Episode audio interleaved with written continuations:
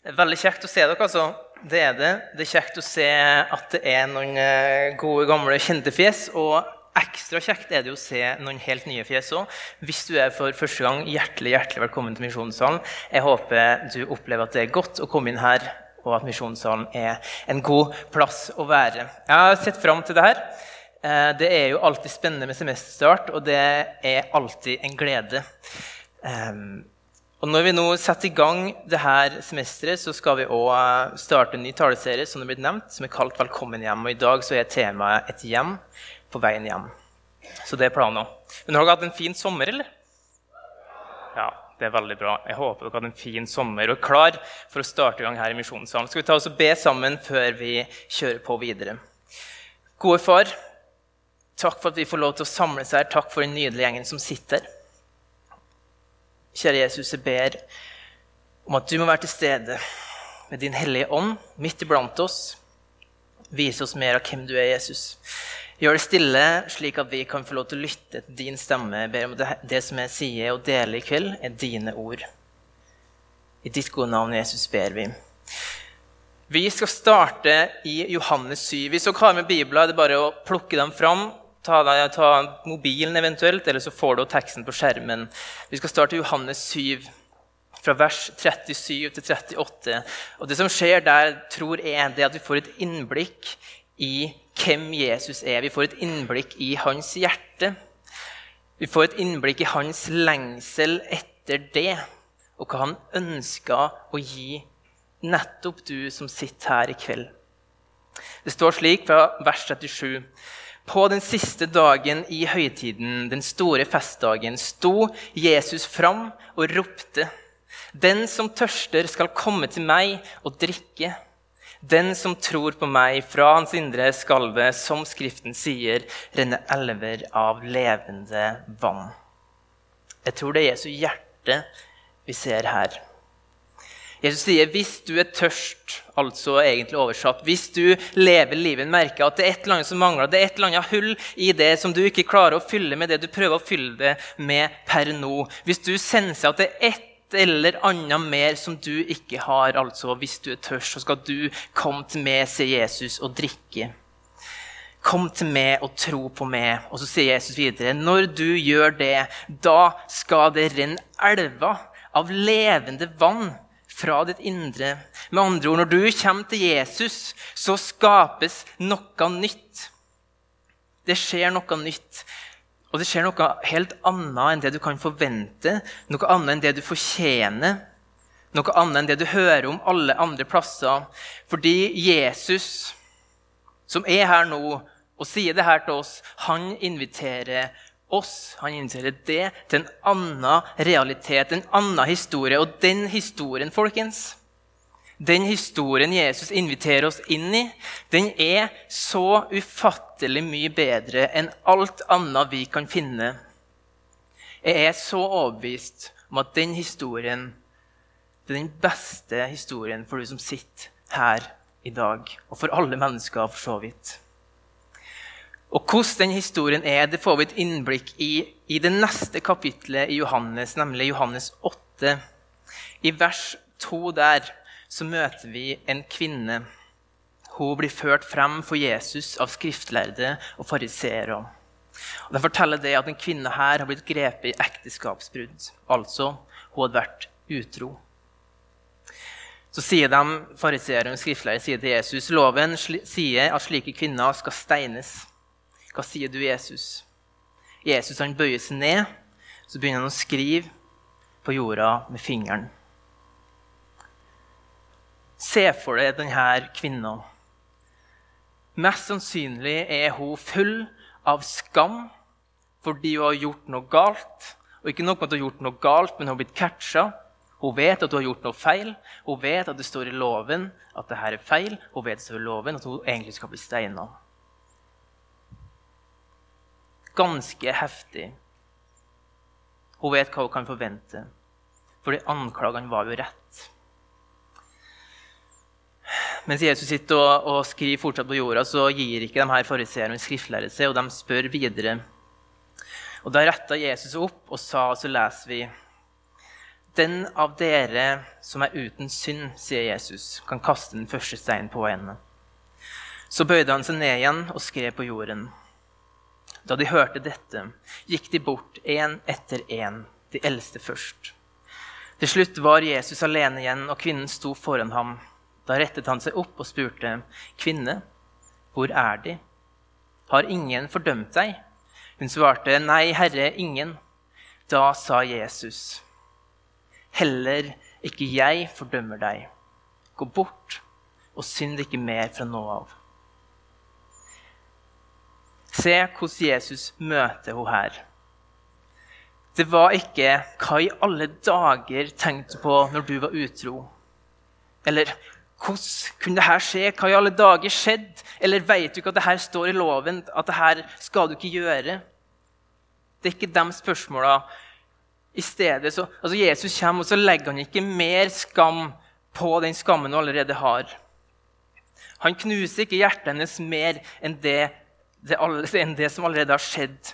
Hun er mest sannsynlig på bakken i gråt og klage, i skam. Men så benytter ikke Jesus seg av denne anledningen til å være en slags life coach som trykker henne enda lenger ned i gjørma. Men et enkelt spørsmål til kvinna hvor er anklagerne? Har ingen fordømt har ingen fordømt det? Når hun svarer nei, Herre, ingen, så sier Jesus de her fantastiske orda. Heller ikke er fordømmer det. Gå bort, synd ikke mer. Og i det øyeblikket Jesus sier det her, så skjer det som vi la som Johannes 7. I det øyeblikket er fullstendig tilgivelse gitt til denne kvinna. Jesu nåde, kjærlighet, tilgivelse. Det strømmer over henne. Og hva skjer i hjertet hennes, i hennes indre? Strømmer av levende vann fordi Jesus kom, og så skapte han noe nytt. Tilgivelse og et nytt liv. Hvis vi skulle satt en overskrift på hennes liv før dette øyeblikket, så kunne man kanskje sagt tap eller nederlag. Mest sannsynlig at hun levde et liv som var prega av tap og tap og nederlag. Falt i det, falt i det, og så endte det med at hun var utro. Sant?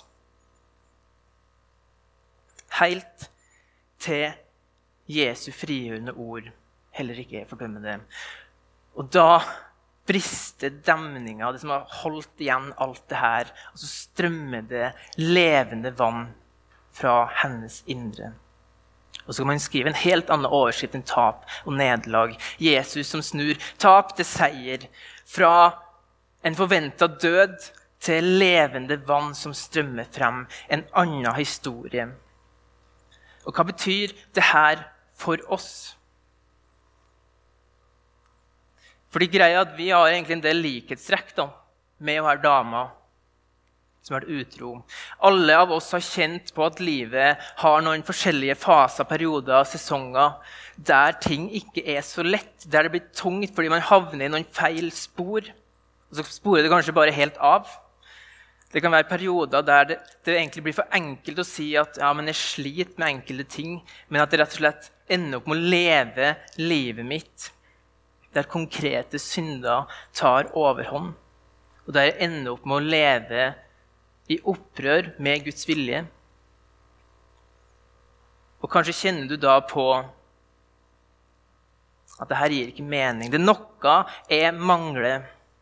Og vil si til det som kanskje kjenner det igjen i det her i dag, at Jesus han sier til det Den som tørster, skal komme til meg. Og den som kommer til Jesus, blir møtt med heller ikke jeg fordømmer den'. Jesus bagatelliserer ikke synd. Han kaller synd for synd. Synd er synd. Men han kaller oss som er syndere, til å komme til Han. Omvende oss til Han, slik at Han kan skape noe nytt. Og vende tap og nederlag til seier og liv. Og Kanskje er det noen her i dag som trenger å høre nettopp det. Fordi livet plutselig har blitt fylt av ganske mange tap, ganske mange nederlag. Som kjenner de mangler noe, som kjenner de er tørst. Jesus sier, 'Kom til meg, du som er tørst'. Og det her er en annen historie. Dette er den beste historien som vi er invitert inn i. Og den motsatte, den motsatte historien av det vi alle opplever rundt omkring alle andre plasser i samfunnet og i verden. Verden sier 'vær flink, vær pen, få gode karakterer, gjør en god jobb'. Eller kanskje enda sterkere 'vær perfekt'. Da skal det gå det bra. Da får du være blant de kule. Samfunnet sier at du får det du fortjener. Hos Jesus så er det ikke sånn. Vi fortjener ingenting, men Jesus, Jesus dypeste ønske å gi oss det vi ikke fortjener. Jesus møter oss på det laveste og sier, 'Kom til meg'. Men så er det ikke sånn at Jesus kun sier om man kan si det sånn, kun sier 'kom til meg'. Litt senere i Johannes så sier han òg 'bli i meg'. Bli i mitt ord. Lev hos meg om du vil. Det er, altså Jesus inviterer oss til å gjøre Jesus til vårt hjem. Til en plass å være, til en plass å leve. Og når du kommer til Jesus, vil han si 'velkommen hjem'. Det er her du hører til. Og vet du hva? Jeg tror at et av de største problemene er at vi så lett gjør Jesus til et hotell framfor et hjem. Tenk på et hotell. Du kommer dit, du sjekker inn, men du skal kun være der for kanskje én til to dager, kanskje en uke hvis du er i Syden. eller et eller annet. Eh, men, men, det er en midlertidig løsning. Du sjekker inn, og du sjekker ut. Det er en løsning på at du ikke er der du kaller hjemme. sant? Og selv om et, selv om et, et, ja, et hotell kan være digg, sant? men det er ofte diggest å komme hjem. Det er der du hører hjemme. Skal vi våge å stille det spørsmålet er Jesus som et hjem for oss? Et hjem der du kan være, leve. Er det der hos Jesus du lever, eller funker han mer som et hotell for det, med litt hyppige inn- og utsjekk? At Jesus blir noe som du kommer til når du føler for det, når det er nyttig, når det er fint å ha han litt. Men nå vil jeg være litt her, og så vil jeg være litt der, og så litt tilbake til Jesus der, og så her. Er dere med? Er Jesus et hjem for det? eller er han et hotell? Og vet du hva? På et eller annet nivå så vil det her mest sannsynlig bunne i et valg. Hva er det jeg vil kalle mitt hjem? Hva historie vil jeg leve i? Og kanskje et valg med to alternativ. Enten så er det verden og samfunnets historie. Da er det verden og det samfunnet forteller, som er sant, og som gir retning i livet ditt. Og da blir verden mitt hjem og samfunnets hamsterhjul, om du vil, om prestasjon blir greia du må stå i. Eller så velger vi å leve i Guds historie, hos Jesus, hans historie som gir retning.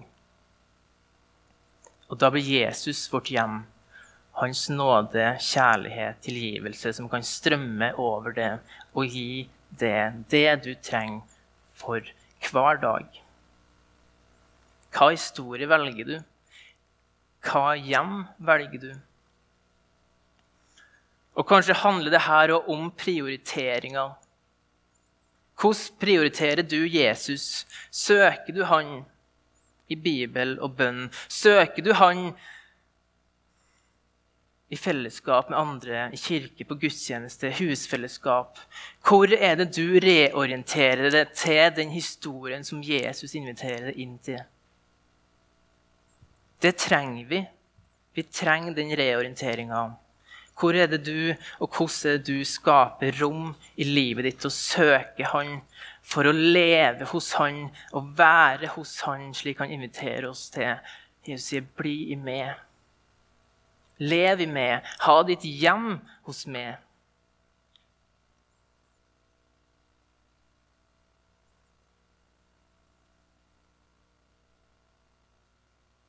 Jesus inviterer oss til det, ikke som et hotell, men som et hjem.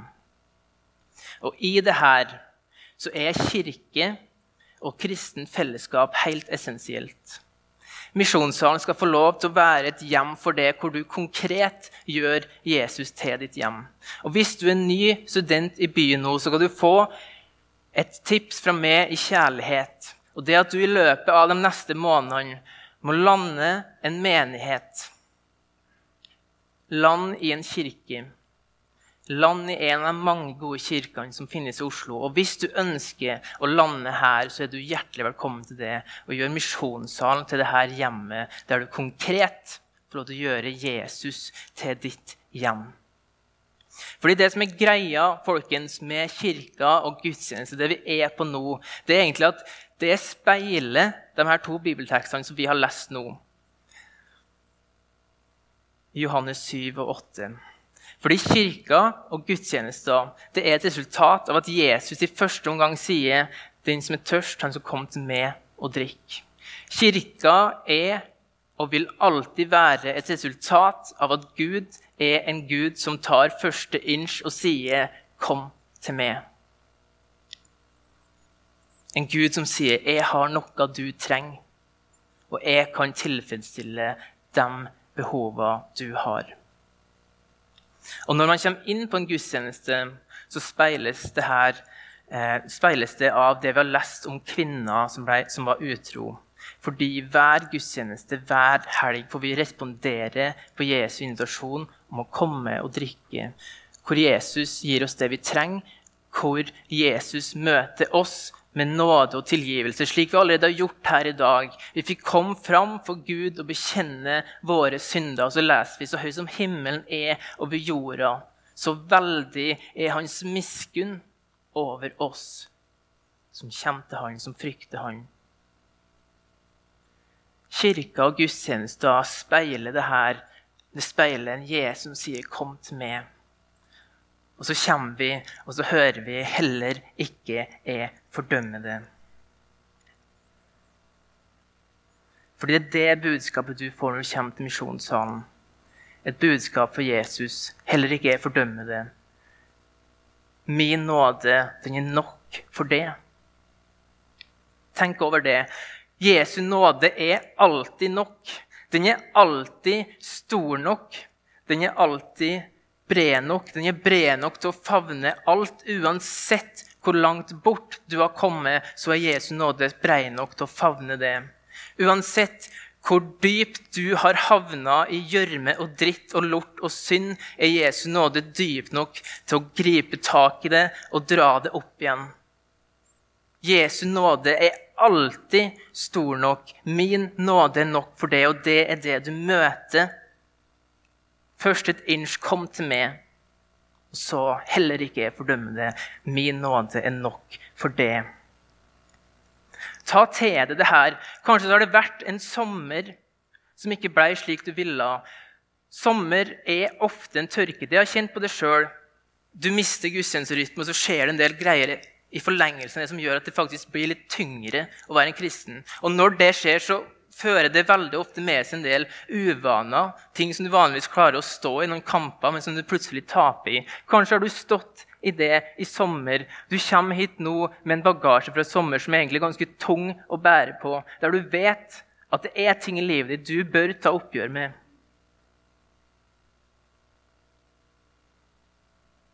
Ta det oppgjøret. Kom til Jesus, hør på hans invitasjon. Kom til meg, og jeg skal love deg at det du møter, er 'min nåde er nok for det'. Min nåde er nok for det. Og det her, folkens, det her er grunnlaget for at vi i Misjonssalen kan være ett hjem og en familie. Jeg vet ikke om du var hjemme i sommer, og hvis du var så heldig å være hjemme, og at du var så heldig å ha et hjem der du får komme og senke skuldrene, så ja, da er du heldig. Eh, for å si det sånn. Eh, sminken hjemme for dere jenter jeg vil tro at dere ikke er like nøye på sminken hjemme som dere er her i, eh, på. Det er bare en antakelse. Men sant, altså, når du er hjemme, så kan du senke skuldrene. Plutselig så bare åpner du skapet hjemme, så finner du denne grå, stygge joggebuksa du ikke har brukt på sju år. Men det går helt fint, for du er hjemme. Du kan senke skuldrene. Slik skal det være hos oss fordi det her er det budskapet vi har. Vi er alle mennesker med feil, mangler, med feil og mangler. Vi kommer til kort, men vi har en Gud som i et ubetinga kom, og som har en nåde og tilgivelse for oss. Og Det gjør at vi som fellesskap kan være med og møte hverandre på den måten Jesus møter oss på. Vi vet alle hvordan det står til sånn egentlig. At for alle våre ting sant? Da kan vi være en gjeng overfor hverandre som lar maska falle, der vi ser fasaden sprekke der vi er en gjeng som kan snakke ærlig og være ærlig med hverandre om det som er tungt og vanskelig i livet. Snakke ærlig, komme hit, snakke ærlig overfor Gud, sette ord på det overfor hverandre. Fordi budskapet vårt er nåde og tilgivelse. Vi skal bli møtt med det, og så skal vi også få lov til å leve det ut. Og folkens, Da blir det her et hjem. Da blir det her et hjem der vi kan få lov til å senke skuldrene ikke gå på tå hev og tenke at jeg håper ikke de finner ut det der og det der og det der. Er dere med? Men vi kan få lov til å senke skuldrene her og være en familie og leve det ut på grunn av at vi har en Gud som er så ufattelig stor og har en så ufattelig stor nåde.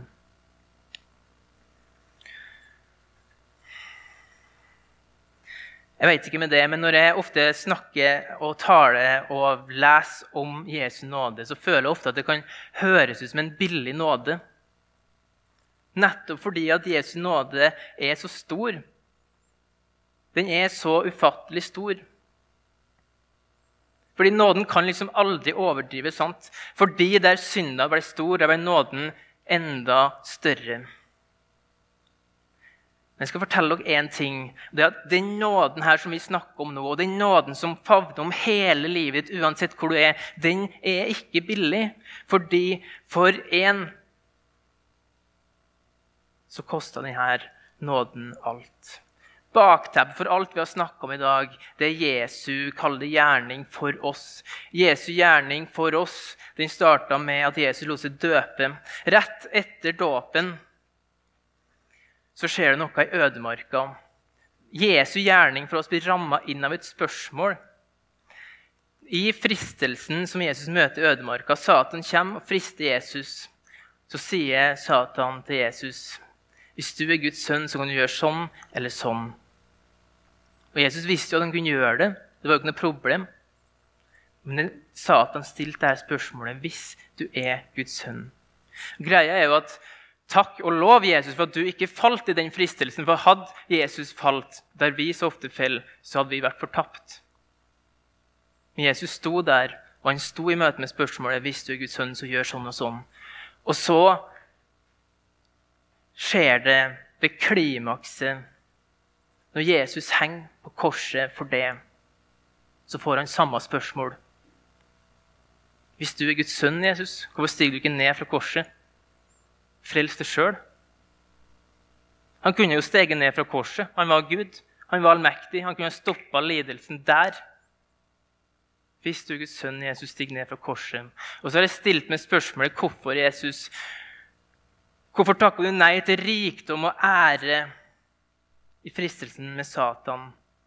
Hvorfor hang du fortsatt på det korset? Du kunne ha steget ned.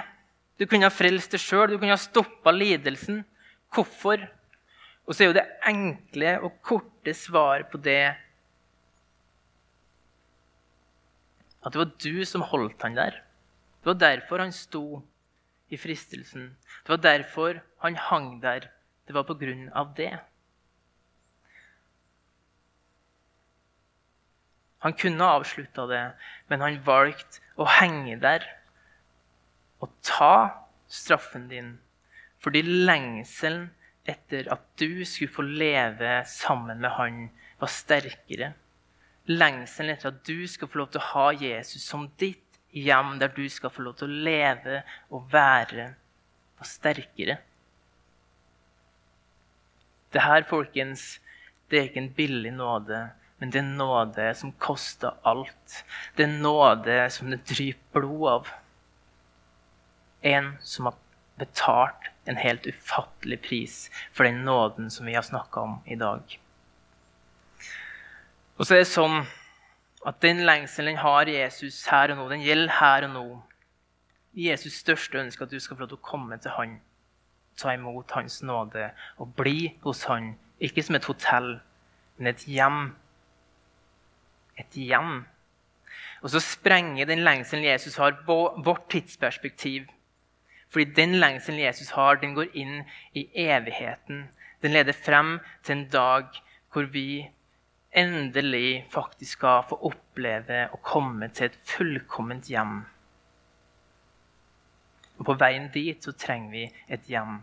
Vi trenger et hjem på veien hjem. Et hjem som skal få lov til å speile det fullkomne hjemmet. Og det hjemmet vi trenger nå, det å komme til Jesus og reorientere oss til hans sannheter for våre liv. Komme til Jesus og høre min nåde nok for det, heller ikke jeg fordømmer den. En dag, folkens, så skal vi få lov til å komme dit. Vi skal få lov til å komme dit, til den plassen som Jesus har betalt en helt ufattelig pris for at vi skal få lov til å komme. Og jeg har lyst til å avslutte denne talen med å ta dere med inn i en tanke og en forestilling om hvordan det blir å se Jesus den dagen for dem som har tatt imot han. Jeg har lyst til å ta dere med inn i en tanke og en forestilling om hvordan det blir. Du kan få lov til å ta det, ta det for det det er. Eh, du kan få lov til å lukke øynene hvis det er lettere for deg å se det for deg på den måten. Men den dagen så vil du se Jesus stå foran deg. Du vil se han stå foran deg opphøyd i all ære. Og så ser Jesus på deg med uendelig kjærlighet i øynene. Og selv om du aldri har vært på den plassen her, så kjenner du med en gang er hjemme. Og du kjenner det fordi Jesus er der. Jesus sier med en stemme full av lengsel og glede til den samme lengselen som gjorde at han sto i fristelsen, den samme lengselen som gjorde at han utholdt korset for det, så sier han Velkommen hjem, datter. Velkommen hjem, sønn. Det er her du hører hjemme så strekker Jesus hånda di ut mot det, slik at du skal ta tak i den, og at, at du kan få lov til å følge han lenger inn.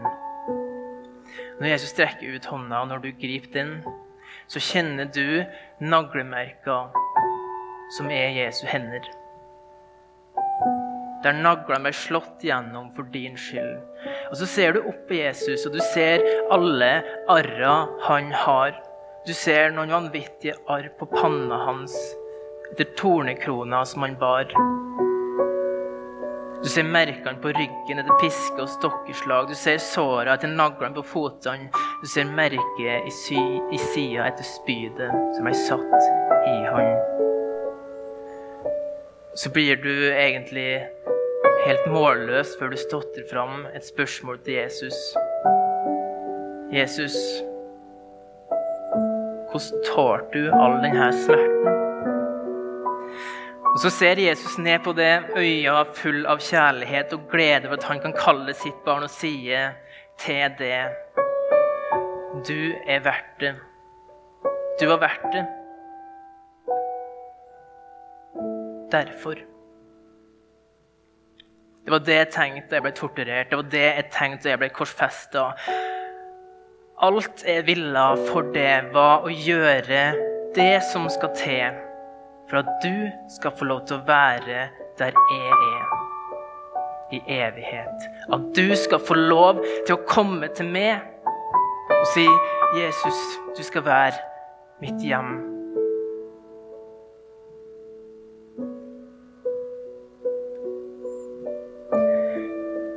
Jesus han står med åpne armer i kveld, og han sier, 'Kom til meg'. Og hvis du er her og kjenner at du trenger å komme til Han, at du trenger å fornye troa, bekjennelsen, eller om du aldri har tatt imot Jesus, men kjenner at det her vil jeg ha en del av, så er du hjertelig velkommen til det.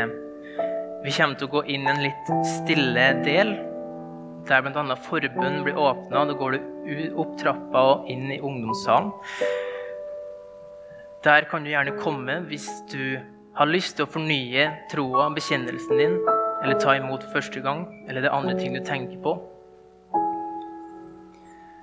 Så kommer det òg til å komme opp noen eh, spørsmål som dere kan se på hvis dere ønsker. Eller så kan du sitte stille i bønn. Du kan respondere hvordan du vil. Bruke tida hvordan du vil. Om du vil snakke med andre om spørsmål eller tenke på dem sjøl, eller bruke tid i bønn. Men folkens, når vi nå lar det være litt stille, så tenk over det her. Vi trenger et hjem på veien hjem. Jesus har gjort alt for det. For at du skal få komme til Han og leve hos Han og ha Han som ditt hjem. Amen.